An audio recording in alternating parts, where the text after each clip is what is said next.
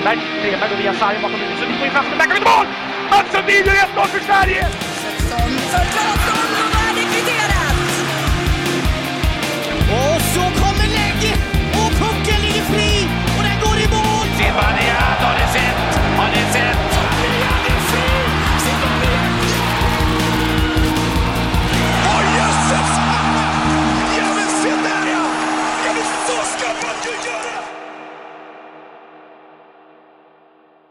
Säger välkomna till avsnitt 117 av podcasten Sarg ut.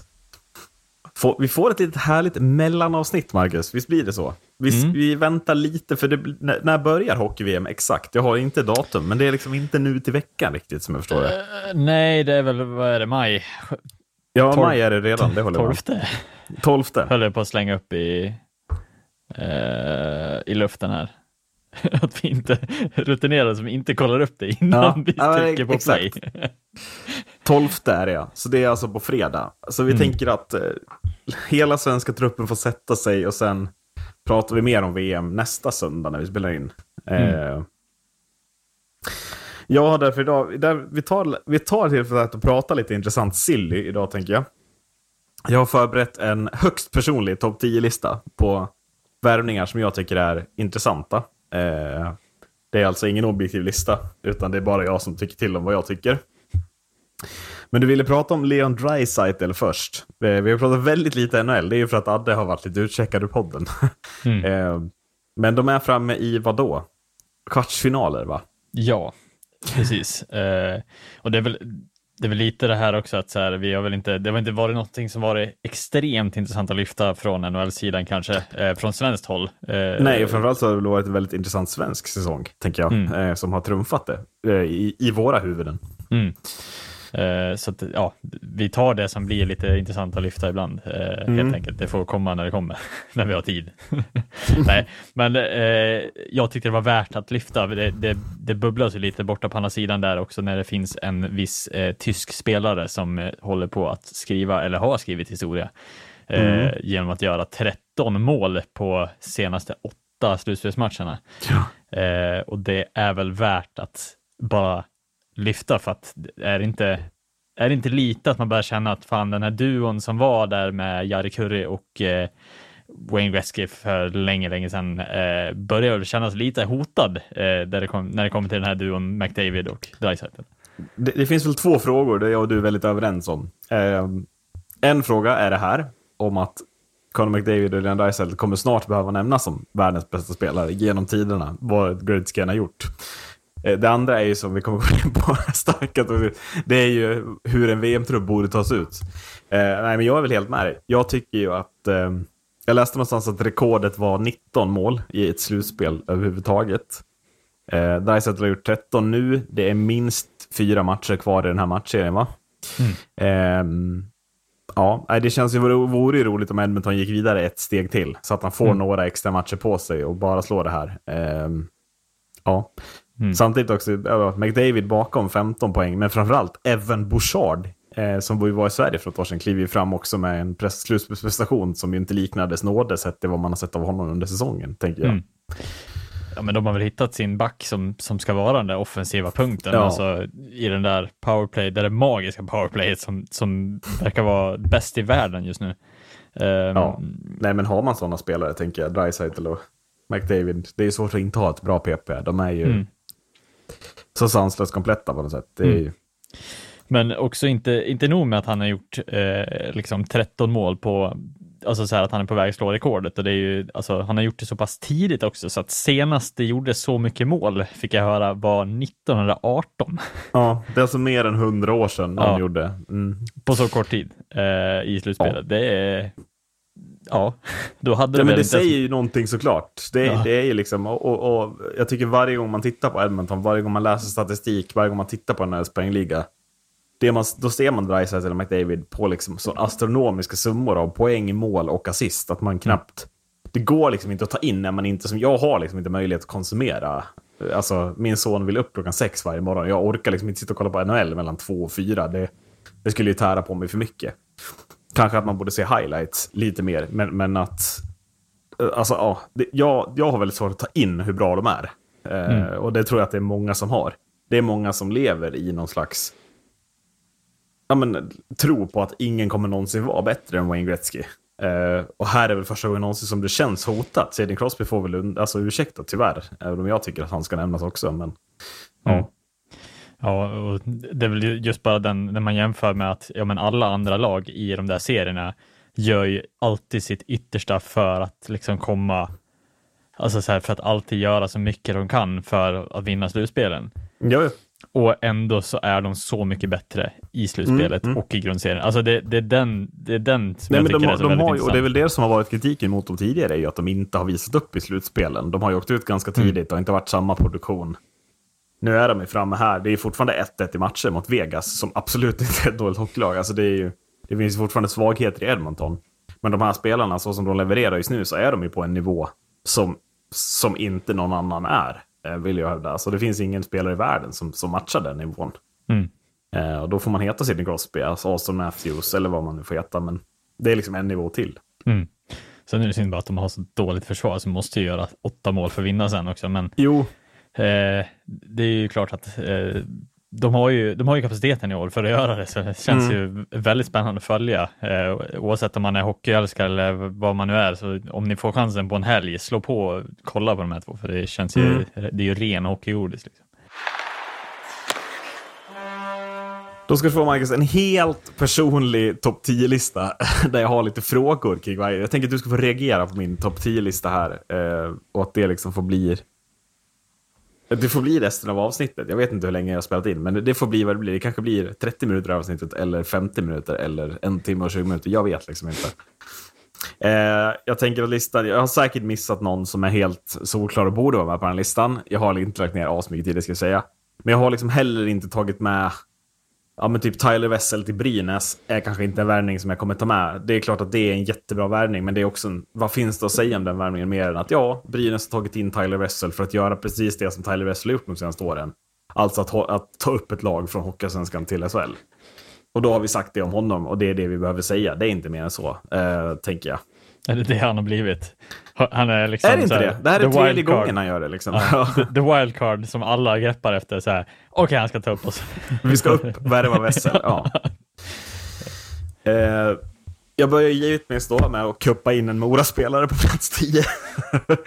Men efter, jag tänker så här, Mora har klart på pappret just nu. Det kan ju komma att förändras, det vet vi. Eh, men Mora har Johan Persson, Daniel Ljunggren, Fabian Ilestedt och Måns Karlsson på kontrakt. Eh, känns det inte jävligt intressant att man förstärker med sån enorm rutin på forwardsidan som Marcus Modigs ändå?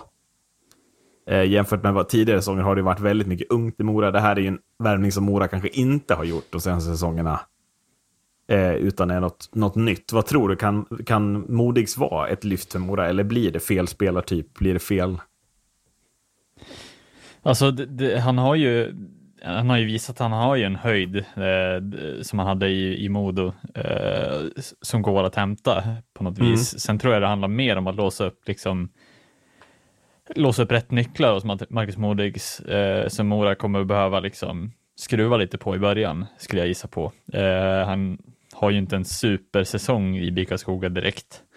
Eh, inte utifrån hans mått skulle jag säga. Nej. Men eh, jag tror att lite miljöombyte och att få spela med ett lag som ändå känns lite eh, på gång. Alltså Mora, Mora har, har liksom en trygg liksom grund och en trygg punkt i eh, de spelare de har. Och givetvis, Modis blir ju någon form av eh, liksom spets med rutin som, som ändå har en höjd. Så jag tror att ja, kan de skruva till det här och få det att lira, ja absolut. Alltså det här är väl en, en toppspelare i Hockeyallsvenskan, givetvis. Är, Som väl här kommer få leda en andra kedja. Det är ju också lite, liksom, det är väl ändå, eh, när var Modigs inte värvad för att spela första line eh, på senaste säsongen? Alltså det är ändå... Eh, det tyck, det, jag tycker framförallt det är intressant att vi väljer den rutinen. Istället för, alltså vi har ju mycket unga spelare, valt mycket unga spelare, men att man väljer att ta en sån spelare, det handlar ju inte om att vara billig Modigs. Alltså man lär ju betala en penning för den här spelaren såklart också. ja, Eh, och då blir det helt plötsligt så. Persson, ja, han blir 30, vad fan blir han? 33 va? Eh, Daniel Ja. Ljunggren, han fyller 30 nästa år. Modigs också över 30. Ilestedt född 95, det börjar bli liksom lite ålderstiget helt plötsligt om de ska göra det för Mora.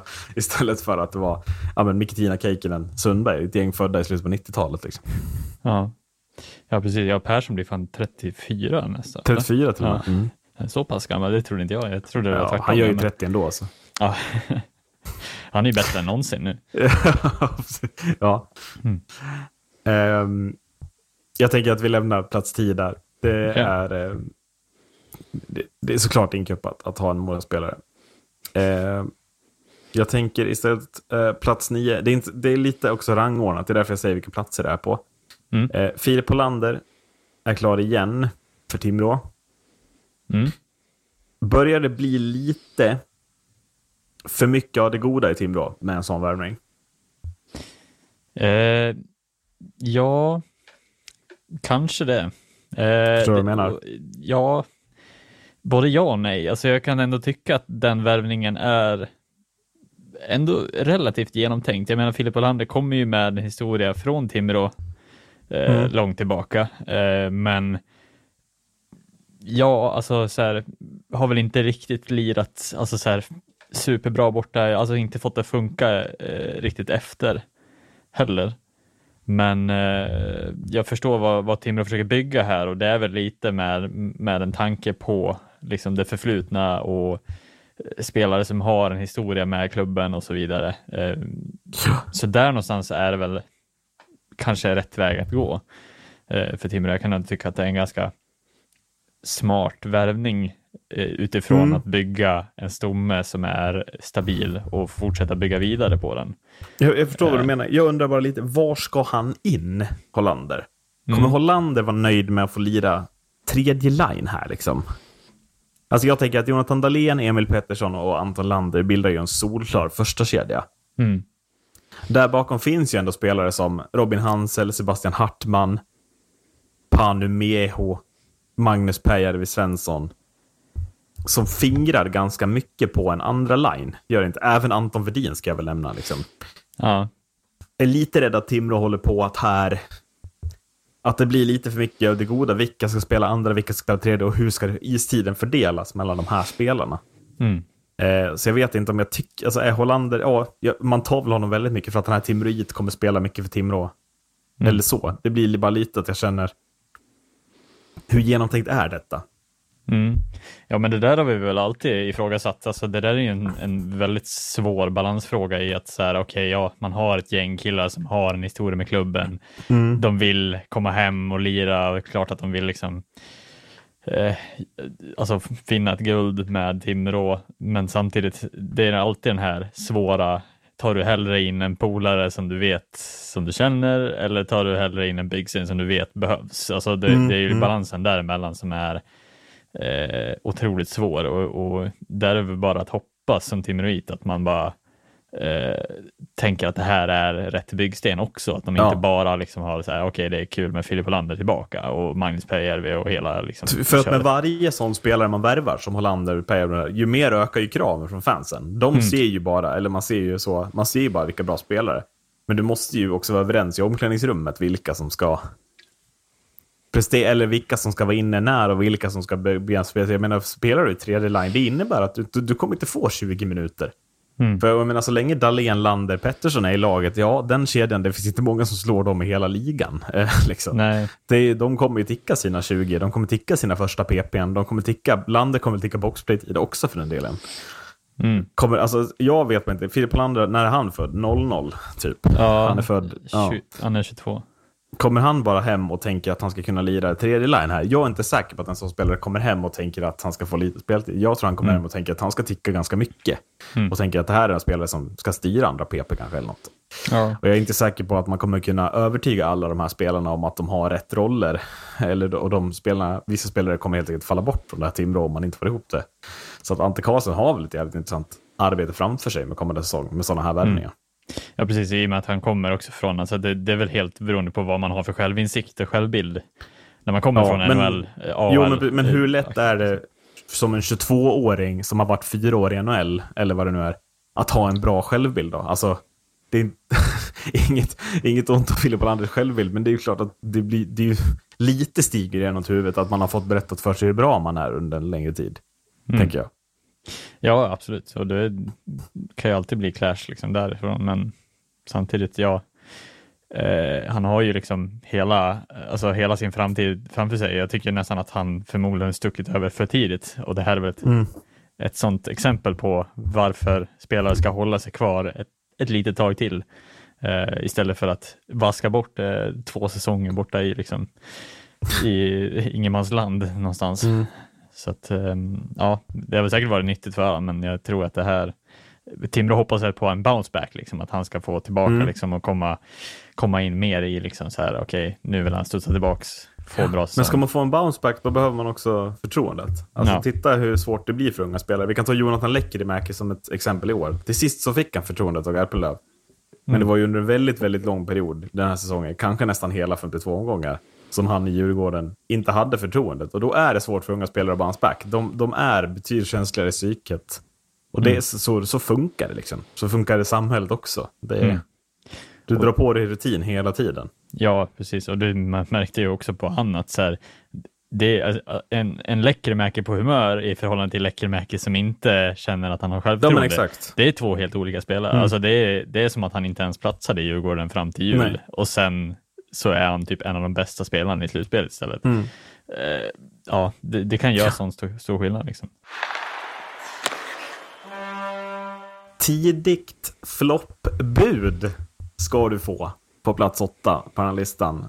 HVs finska duo de har värvat. Mikael Seppele och Tommy Tikka. Mm. Skriker Mm. flopp tycker jag. Ja. ja, de har ju inte de har inte florerat marknaden eh, direkt HV med sina värvningar. De hade väl ryktats om det ett av de dyraste lagen förra den här säsongen också. Ja. Ehm, och jag tror, tror väl inte att man kommer att hålla igen på plånboken i år heller. Alltså, Nej, det känner jag. visar väl redan den här försäsongen eftersom att Ja. Brännström, Olle Strandell, Mikael Seppele och Tommy Tikka redan är klara. Mm. Lägg där till Oskar Ståhl Lyrenäs. Ja, och Brännström. Eh, ja, men, ja, precis. Brännström är väl inte gratis heller för den delen. Nej, men, nej, men exakt. Eh, vet du vilket till som inte är gratis? Det är de här två finnarna jag precis nämnde. Mm. Som jag tycker är... Oj, vad jag tycker det känns farligt för ett lag som Timrå, eller för ett lag som HV menar jag. Att efter en sån jobbig säsong välja att gå på två sådana finnar. Alltså jag förstår att det finns rutiner, men har vi inte sett många finnar som har floppat de senaste säsongerna i, i eh, SHL? Eh, Mm. Sett till vilka meriter de kommer med. Jo, och det är inte, det är inte heller att de har liksom fullständigt exploderat poängmässigt borta i Finland heller. Eh, nu kanske inte, Jag vet inte vad- back till hans försvar. Liksom. ja, jo, absolut, och det säger vi inte. Alltså, han kan lika väl vara värvad för att vara defensiv back. Eh, Mm. det säger jag ingenting emot.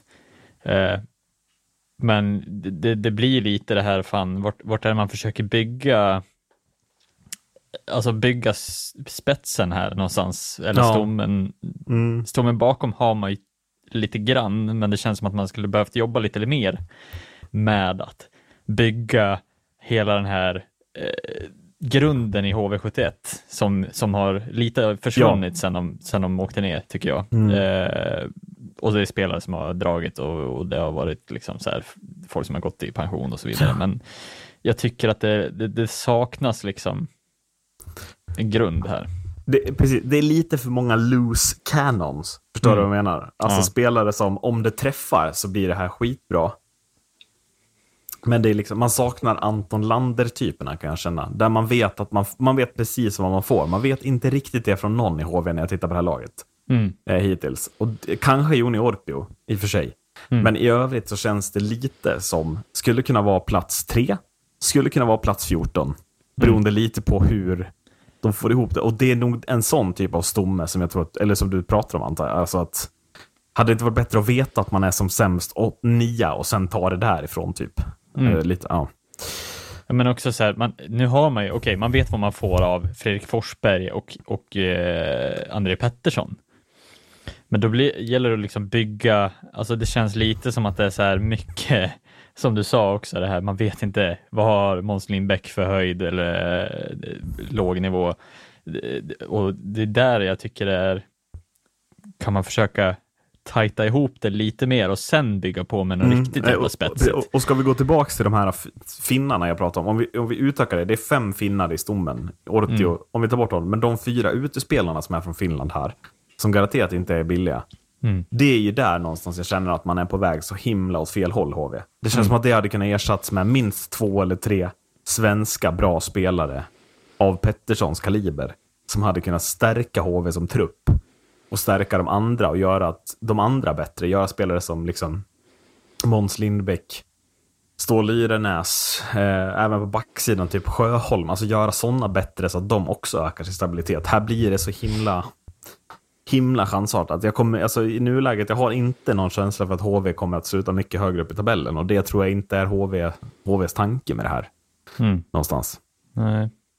Sen, sen å andra sidan ska man ju ha beröm för, jag tycker att Isak Brännström-värvningen är en bra värvning. En av de bästa i år väl? Ja, en av de På bästa. år. ja, så där, där ska vi ju liksom, men det, det är just... Jo, men det är klart vi inte bara ska ge kritik. Och Nej. jag, säger inte att de här värvningarna kanske slår jätteväl ut. Seppele och Ticka kanske är två supervärvningar. Men jag är glad att du, precis som jag, är inne på att är det verkligen den här vägen man ska välja? Sett till vart man är som klubb, sett till vad man var förra säsongen och sett till ja, hur det kan gå. Liksom. Mm. Eh, ja, men vi lämnar HV. Vi rör oss inte jättelångt. Eh, plats sju på listan. Eh, Jiri Schmeikals ersättare blev klar. Han heter Lukas Jacek Mm. och är från Tjeckien. Eh, här får jag också lite, lite vibb på att Oskarshamn... Mm. Är det den här gubben som ska kliva in och göra Oskarshamn till ett bättre lag än förra säsongen? Eh, jag vet inte. Det känns som att Oskarshamn kommer få väldigt svårt att ersätta Somela och Smejkal. Och då vet jag inte riktigt vart de är på väg. Eh, ja, men jag, är- jag är lite tvärtom. Mm, jag, jag tycker att Oskarshamn är på väg åt ett bra håll. Okej. Och det, det, alltså jag tycker att, alltså, de har, de, alltså hur många värvningar har de missat på senare år? Alltså det är ju full träff på nästan till samtliga värvningar som de har gjort. Det är väl några undantag som, som finns, Ja. givetvis. Men ja, jag vet inte, har man scoutat den här killen väldigt väl så tror jag att han kommer vara, han kommer inte vara i närheten av Zoom, det tror jag inte heller. Eller Nej, men det kommer nog Men- ingen vara. Det Nej. var nog en sån... Alltså, så- det tror jag man kan glömma. Men det Ja, här är väl precis. Smejkal till ersättare. Ja, och jag, jag, jag tror inte att Oskarshamn någonstans räknar med det heller, men samtidigt så tycker jag att alltså Oskarshamn som helhet har tänkt till ganska mycket med hur de värvar generellt varje säsong. Och jag tycker att de gör det väldigt bra, för de, där kan man ta tvärtom istället. De försöker bygga så här och så sen så lägga lite socker på, på toppen. Liksom att det känns som att de nu har de hittat en stabilitet, de har hittat lite mera runt omkring och då tror jag att den här killen ändå kommer att vara väldigt, väldigt nyttig. Eh, och eh, vad jag tror så är det här också en ganska duktig framspelare. Mm, mm. Och så eh, plus, framspelare plus eh, målgörare blir ju oftast väldigt bra eh, Ja, i Karlqvist. där. Så jag, Jag känner bara lite... Han är ju rightare dock då. ja, Hur ställer sig... Hur ställer han sig... Eller hur blir konkurrensen med Karlqvist här? Känns som lite oroväckande där. Alltså, Eller- inte att de ska... Alltså, i fem mot fem tror jag att då har de väl varsin kedja. Men typ i ett powerplay liksom. mm. Känns som att det kan bli sönderläst av två rightare och, och så vidare. ja, jag vet inte. Eller så fake skott. Ja, Pass. jo, jo, jo. Där, där har du en eh, bra... han kan fejka skott hundra av hundra gånger och passa över till Karlqvist och han gör mål. Eh, nej, så att, men jag, jag tror att eh, det är en ganska alltså, smart värvning där också. Jag tror bara att de har förhoppningsvis scoutat han ganska bra. Eh, Ja. Jag tror att de har bra koll på finska, eh, finska ligan och så som Oskarshamn bygger runt omkring. Det är där jag tycker det är mest intressant. Eh, jag tror inte att Oskarshamn längre räknar med att det ska vara spetsiga spelare som Mm. ska bära dem. Jag slår ihop två värvningar i samma, eh, men det blir väl liksom något som, men på plats sex är vi va? Mm. Eh, du kollade ju ut Adam Rockwood som en bluff. Eh, jag och Adde stämde väl bara in och eh, han kommer ju inte att vara kvar i AIK som då letar ny första center. Och svaret på den frågan blev Gary Fitzgerald. Spontan tanke. Mm. Nej, men det är väl en, en bra värvning av, av AIK som faktiskt eh, kommer att satsa ganska hårt nu när man har fått eh, en del pengar in på kontot och kommer att Sägs ha, över-. Ja, kommer att ha över en, över en period. Eh, Jerry Fitzgerald tycker jag är väldigt smart värvning i och med att man kollar inhemskt i ligan, ser okej, vilken spelare vill spela högre, men som kanske inte får Och, plats. och kan, ja, precis. Vem kan vi erbjuda en bättre roll? För att jag Mm. tror att det är det som har gjort Fitzgerald så otroligt intresserad. Det är ju faktumet att vara första center. Mm. Vilket han inte kommer att få vara i Björklöven med Weigel kvar. Det är ju tydligt. Eh, Mm. så att, mm.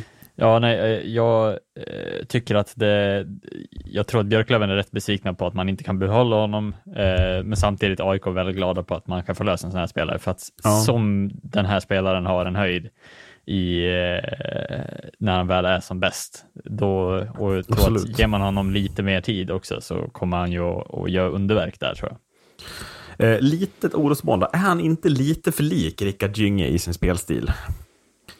Styrka i skottet och så vidare. Ja, alltså jag ty- tycker väl ändå, Eller kan han kliva fram som en framspelande center? Till jag en sån som Gynge? tyck, tycker ändå att Jerry Fitzgerald är lite rörligare som spelare än vad Gynge är. Ja, rö- Eh, jo, men rörligare håller jag med om. Ja. Men om man ser till, till framförallt styrkorna i skottet. Jag tänker ju återigen på PP här. Mm. Och sätter hur viktigt PP är att... Mm, ska Fitzgerald inte stå till vänster efter förra säsongen? Där han bara pangade in mål Mm. efter mål i Björklöven. Mm.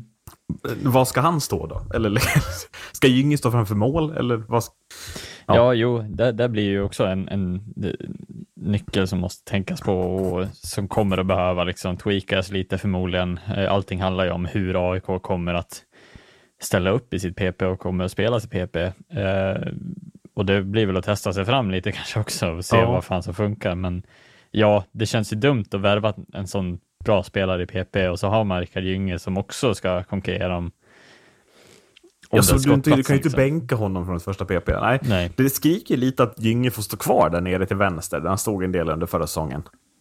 Mm. Ja, Jag vet inte, utnyttjar man hans potential till full? Ja, ja, mm, ja, ja, det är lite skakigt här kan jag känna.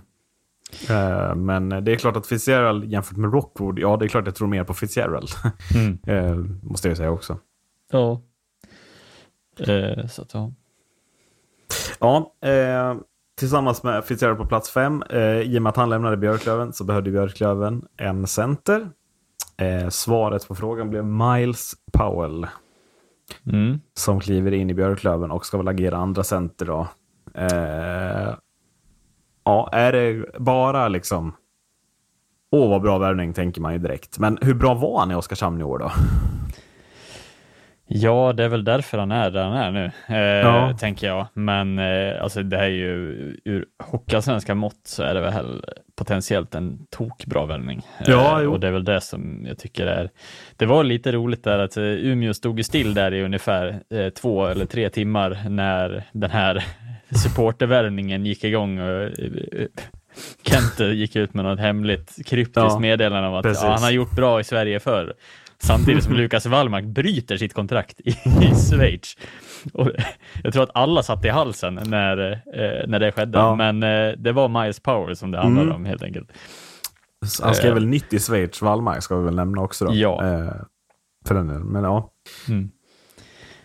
Men eh, ja, nej, absolut. Jag, jag tycker att det här är bara en påfyllning mot den, den oändliga resan som Björklöven håller på att Mm. Nej, men, och det är såklart att det är en jättebra ersättare till Gary Fitzgerald. Eh, Mm. Jag känner bara lite, kommer Miles Powell alltså helt kunna lägga bort förra säsongen? Alltså det var ändå en sämre säsong. Kommer han bara helt lägga bort det? Och bara gå in och vara lika bra som han var Västervik HV-säsongen? mm, Alltså, någonting har väl psyket gjort med honom av att komma upp i SHL och inse att det här var betydligt tuffare än vad jag tänkte, eh, tror jag lite. Mm, Ja, jag vet inte. Samtidigt, han kommer till ett vinnande lag. Han kommer till ett lag med många kanadicker. Det är väl klart att det finns stora möjligheter att det här är en, en supervärvning i det mått som, som han var för HV när de gick upp. Ja, eh, en spelare som vet eh, vet hur man gör poäng i Hockeyallsvenskan framför allt. Eh, sen kan det ju vara så att ja, SHL, antingen är det siffran för stor eller så bara fick fel typ av liksom kom inte riktigt in i, i spelsystemet. Eller Men för han blir väl ändå andra center här? Eller? Mm. Weigel blir väl första center så länge Pooley är med i leken? Mm. Eller hur? Hur tänker du? Ja, eh, jag tror det. Jag tror att det är svårt att bryta Weigel nu när man såg han, hur bra han kunde vara liksom, i, Ja. i den där konstellationen. Så att, ja, det, jag tror att det blir en, en eh, eller så har man hittat på någon annan rolig lösning med Powell som första center eller något sånt där. Ja. Men eh, Men det känns ju- just att det känns svårt att splittra Pooley-Weigel sett till hur bra Pooley var med Weigel förra året. mm, Eh, och det är väl någonstans där jag landar i att, ja men ska de då vara andra kedja för att Powell ska vara första center? Ja, jag vet inte. ja, Det känns som en hierarki som ändå blir lite intressant att följa. Men... Ja, ja det, det kommer ju att vara eh, otroligt. Alltså man ser redan nu hur Björklöven bygger för att kunna matcha både Brynäs och eh, Djurgården nästa säsong. Så att Den här Framförallt Brynäs va? ja, den här kapprusningen kommer att Ja. tära tror jag på psyken eh, ganska länge och Kente har, har inte släppt. Han har nog Det inte ska bli släppt intressant att någonting. se hur mycket Björklöven lär av Modo också i år. Mm. Att så, ja men vi behöver ta in fyra spelare till under den här säsongen. När Mm. det väl börjar sen. Ja det kan bli riktigt intressant. Kan det bli. Mm. Eller att de fortsätter och försöker bygga, alltså så här, de har ju ändå, tycker jag, eh, kompetensen som behövs i laget redan. Alltså de har Ja. lite det här, ja nu har de kvar Scott Poole och Schilke, det är liksom ingen som verkar dra vad det verkar som. Eh, sen kanske det kommer ryckas i sista sekund, men eh, Mm. bara där att få, få behålla den höjden och ett år till. Alltså där har du ju kemi deluxe edition liksom, som, som är på väg att byggas. Eh, och det tror jag är, ska man inte underskatta. Nej, det blir intressant att se om Schilke faktiskt stannar. Då känns det ju. Mm. ja, att, ja, då, ska man, då ska man stå där och titta på Brynäs lag, Björklövens lag, Djurgårdens lag och sen ska man vara glad över Marcus Mårtings. Ja, och, nej, och inse att det här kommer aldrig Fina, gå. fina hockey som ska, nej, Vi får satsa på fjärdeplatsen igen. Ja. Eller trea blev det ju, eh, Mm. till och med. Eh, någon slags topplista då. Eh, jag höjer upp eh, Linus Öberg till Frölunda på den här listan. Eh, för att se till vad, Frö- vad Öberg gjorde i Örebro. Komma till Frölundas organisation för honom, ett år äldre. Skriker det inte 25 kasser framåt på Öberg, eller? Jo, det tror jag också. Och det blir väl lite, det känns konstigt att säga det, men det, det, det, är, ett, det är ett nytt Frölunda utan Joel Lundqvist. Alltså det blir Mm, någonting det blir annat. Eh, och då är det frågan vad, eh, det kommer att vara andra spelare, känns det som, som kommer att få lite tid. Det kommer att finnas mycket mer tid att hämta i och med att Joel Lundqvist förmodligen tickar där en del. Jo, men och sen Eh, framför allt så kommer det också finnas möjlighet att kliva in i omklädningsrummet och höras mer. Mm. För att med Joel borta, det, det, det måste ju fyllas med nya röster. Eh, Mm. det, jag tror inte att någon på egen hand kan ta över Joels roll. Det är nog Nej. för mycket att kräva av någon, utan man lär nog dela lite på ansvaret. Mm. Eh, på något sätt. Ja, och det känns ju spännande nu när, när Frölunda går in i den här fasen att man typ lite av i en rebuild kan man väl nästan eh, kalla det eh, på något vis. Jag vet inte hur man ska... Det känns så. Alltså rebuild är ju hårt att säga, men alltså, Ja. Nej, men snart är det ju ett, ett faktum. Alltså, det måste ju liksom börja Ja. eh, alltså, fasas ut det gamla eh, och in med det nya igen. Eh, Precis. Bygga, Nej, bygga men, nytt. jag, alltså, jag, jag tänker sådana spelare som Mats Roseli Olsen och Ryan Lash har ju sina sista år på kontrakten nu också. Mm. Patrik Karlsson samma. Det är väl också spelare som de lämnar väl efter säsongen. Liksom. Mm. Eh, så att det finns väl, alltså rebuilden börjar väl lite smått i år. Mm. Men kommer ju bli extremt tydlig nästa säsong. För jag tror inte att det är sådana spelare som de kommer förlänga med. Sett till Mm. ålder och hur länge de har varit i klubben och så vidare. Precis, eh, och därför är väl en, eh, alltså ett namn som Linus Öberg otroligt spännande att plocka in här. Eh, Ja, så Verkligen. där- ja, men just också att jag tror att han skulle kunna liksom ta, ta tag i en roll. Att ja, men nu ska vi... Mm. Att han kan vara en röst i omklädningsrummet som faktiskt liksom folk lyssnar på. Sen är det klart att Friberg och Folin och gänget kommer betyda mer. Eh, Tömmernes är tillbaka på backsidan. Men att det ändå Mm. är... det är den typen av forward som jag vill se i Frölunda. För att jag tycker att när han är som bäst i Örebro, då är han väldigt bra. Det håller jag med om.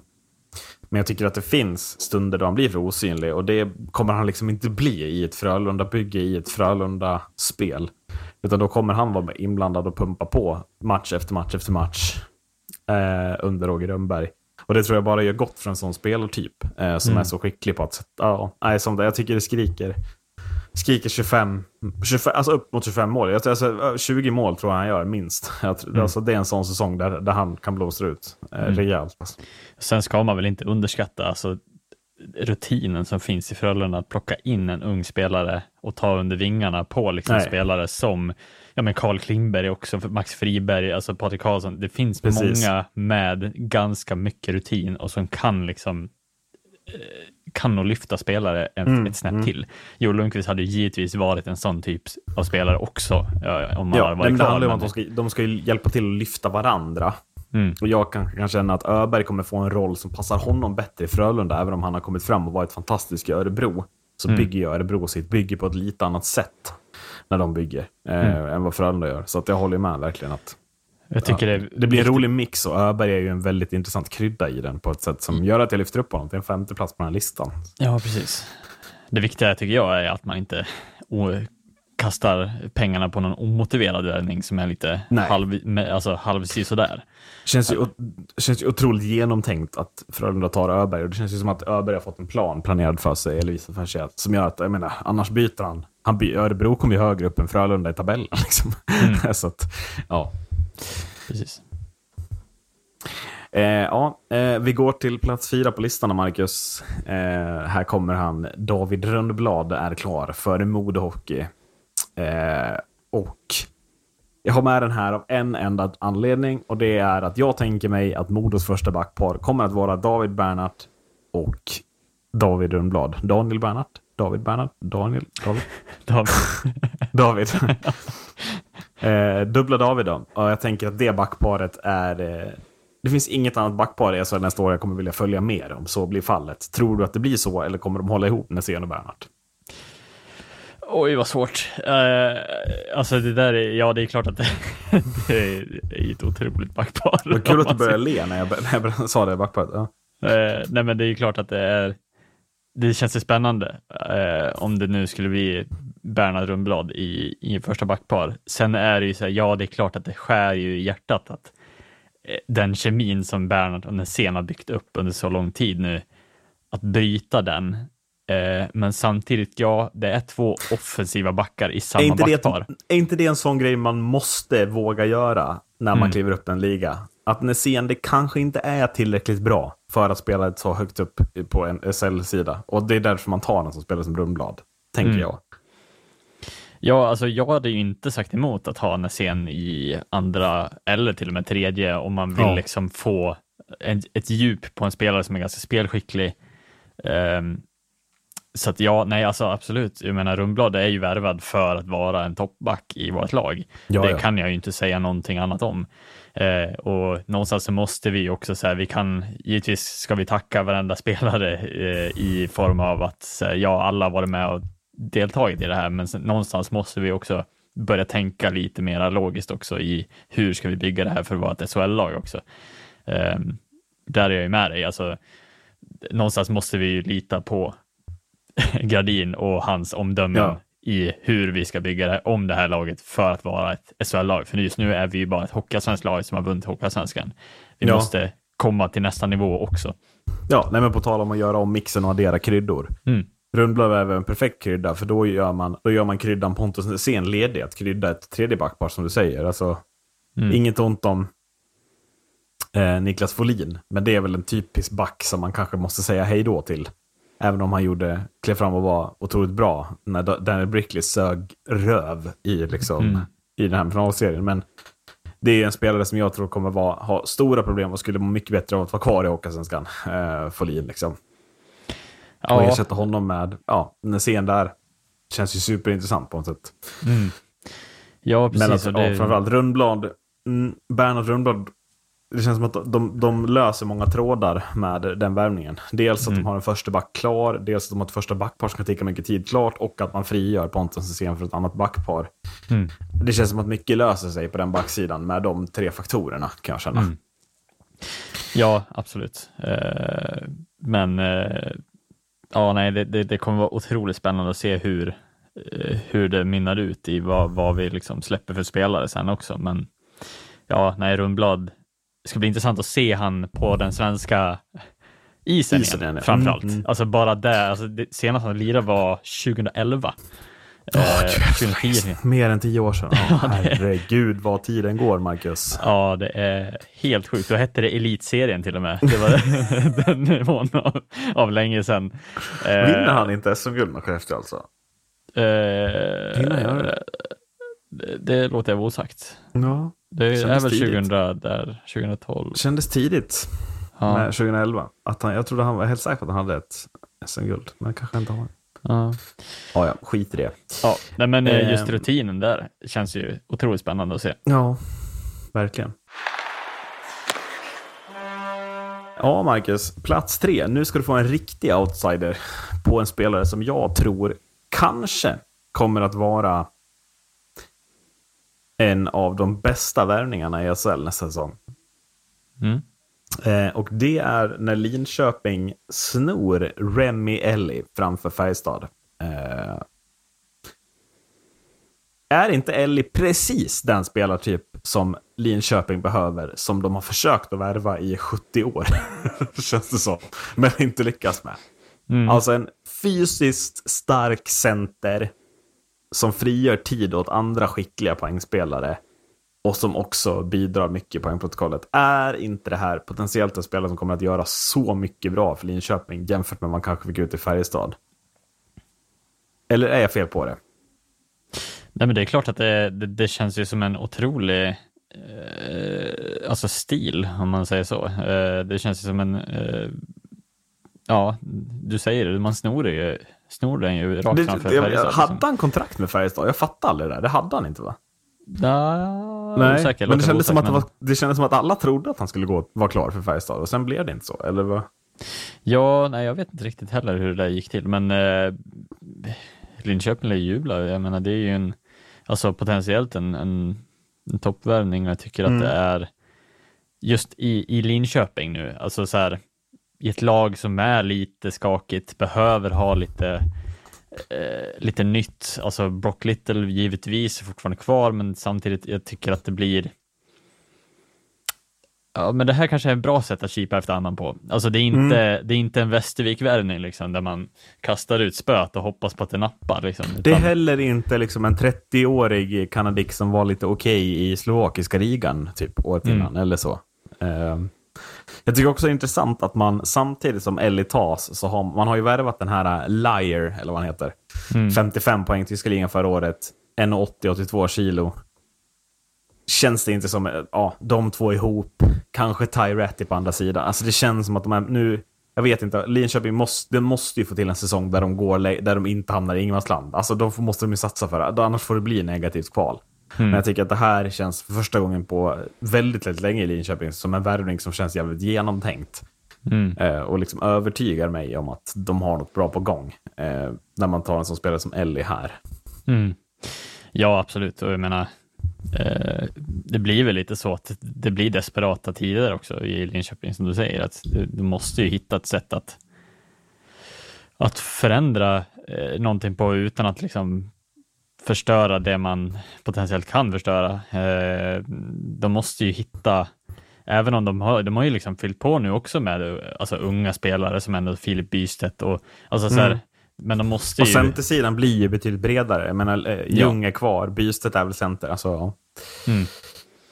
Eh, Så att, nej, jag tycker att det, det, det känns ju som att Linköping, förhoppningsvis, även om de kipar efter andan fortfarande, så känns det ju som att de kipar efter andan på rätt sätt mer, eh, när de tar, alltså från egna ligan på ett annat sätt. Och Mm. när de vet att de har kunnat scouta honom på plats, de har sett Ja, honom och spela. jag menar, det är en spelare som har varit omtyckt i Färjestad. Färjestad Mm. alltså, jag tror Färjestad ville ha... Alltså, Linköping pungar nog ut ett kontrakt som är ganska stort också för den här Mm. spelaren.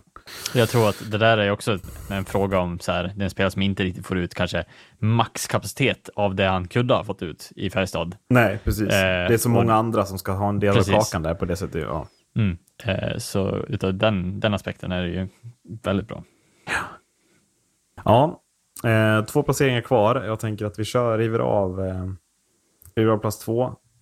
Pontus Andreasson tillbaks i Luleå. Eh, blir det också Linus Omark eller? Eller vad är, vad är snacket? Känns det Snacket- inte som Omark och Andreasson tillbaks här? Mm. Ja, men eh, det är inte Omar klar där borta. Alltså, vinner guldet. Det sa vi ju förra gången också. Det var han ju inte. jo, jag vet inte. absolut. Eh, men jag tror att det är, det är dags nu. Nu blir det sista säsongen tror jag Omark Mm. gör eh, i karriären nästan. I Luleå. Tror du inte det? Ja, men nu är det väl den sista satsningen på att nu jävlar i helvete ska jag vinna det guldet med Luleå om man kommer Mm. hem. Och är det inte nu. Jag pratade hela förra säsongen om att vi, de gör alldeles för lite mål. Mm. Är det inte sjukt intressant att om Omark nu blir klar, då är Andreasson, Pasic och Omark klara för Luleå innan Mm. vi säger att det är juni månad. Jag menar, där finns det så mycket poäng att hämta. Det är så viktiga poäng man behöver hämta där. Mm. Eh, ja, det känns... Mm, det känns som att Luleå här är den ultimata satsningen om det skulle bli Omark klar för att ta den där titeln, eller det där guldet. Ja, nej, och, och jag, jag tror väl att Omark känner det också. Att Mm. eh, hade det inte varit otroligt magiskt att avsluta med ett schweiziskt guld och sen svenska guldet och sen lägga av. Ja, Eh. Nej, men jag menar, då blir han ju odödlig i Luleå. Det han har gjort för Mm. den klubben de senaste 15 åren snart är ju otroligt, otroligt mycket såklart. Mm. Nej, så att jag eh, och Andreasson nu som vi eh, snackar om också, ja, det är klart att det blir en otrolig förstärkning. Ja. Eh, Att han kommer hem efter bara ett år är ju intressant, måste man säga. Mm. Men kände väl ändå kanske inte att det lirade i AHL, jag vet inte. Alltså han det kanske, var rolig, kanske var roligare att vara när, nära SM-guld än att vara i AHL. Det kanske var Ja. så enkelt. Mm. Nej, men alltså han gör väl inte en... Alltså, visst, det är ju ingen bra säsong, men det är ju inte en pissdålig säsong heller. Nej, nej, absolut inte. Nej, han kommer in med självförtroende, det tror jag nog. Mm. Men eh, ja, nej, det, det känns ju som att nu ska han hem och göra en riktig jävla megasäsong. i Ja. SHL. Verkligen. Eh, Nu har han testat alla sidor. Liksom. Ja, jag, jag känner att eh, jag har en jävlig outsider på plats ett. Men den, den här, det här, det som Luleå hittills håller på att göra. Oj, vad jag tycker att man gör rätt saker eh, på väldigt mycket av värvningarna man gör. Eh, och det känns... Det känns väldigt intressant, tycker jag. Man kanske har lärt sig av... Ja, jo, men alltså, förra säsongen var nog jobbig för dem. Tror Mm. inte? Att Jo, det blev absolut. för liksom, ja. Man ser ju inte skymten av att Leo Komarov ska förlänga direkt, eller vad känner du? Nej. Jag väntar fortfarande på att det blir felaktig utrustning för att han Ja. skriver högt upp. ja. Eh, men nu, vi tar en bumper, sen kommer plats ett. Det är en tränare. Om jag säger att det är en tränare då, på plats ett. Vilken är den intressantaste värvningen hittills, enligt mig, i svensk hockey? Om du, om du frågar mig? Eller? Ja, nej, och vad tror du att jag har valt? Eh, Jag tror att jag vet vad du har valt. Jag är ganska Mhm. säker på att du har valt Tommy Samuelsson till Nybro. Det är givetvis korrekt, Marcus. Nybro som nykomling gör ju någonting som jag älskar hos nykomlingar. Det är ju att man går för det. Och plockar in en av Sveriges mest meriterade tränare. Och det är alltså Tommy Samuelsson som står i Nybros bås kommande säsong. Vad tror du? Ja, men alltså otroligt, oavsett om det, alltså, om det bär av eller om det blir tungt så, så känns det ju som att man tänker ju helt rätt här Ja. i Nybro.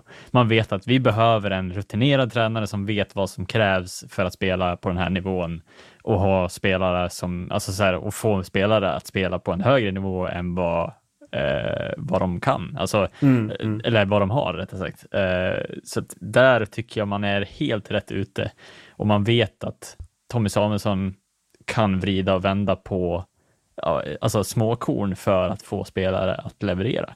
Och jag Och tror han att vet det ju numera också vad som krävs i Hockeyallsvenskan.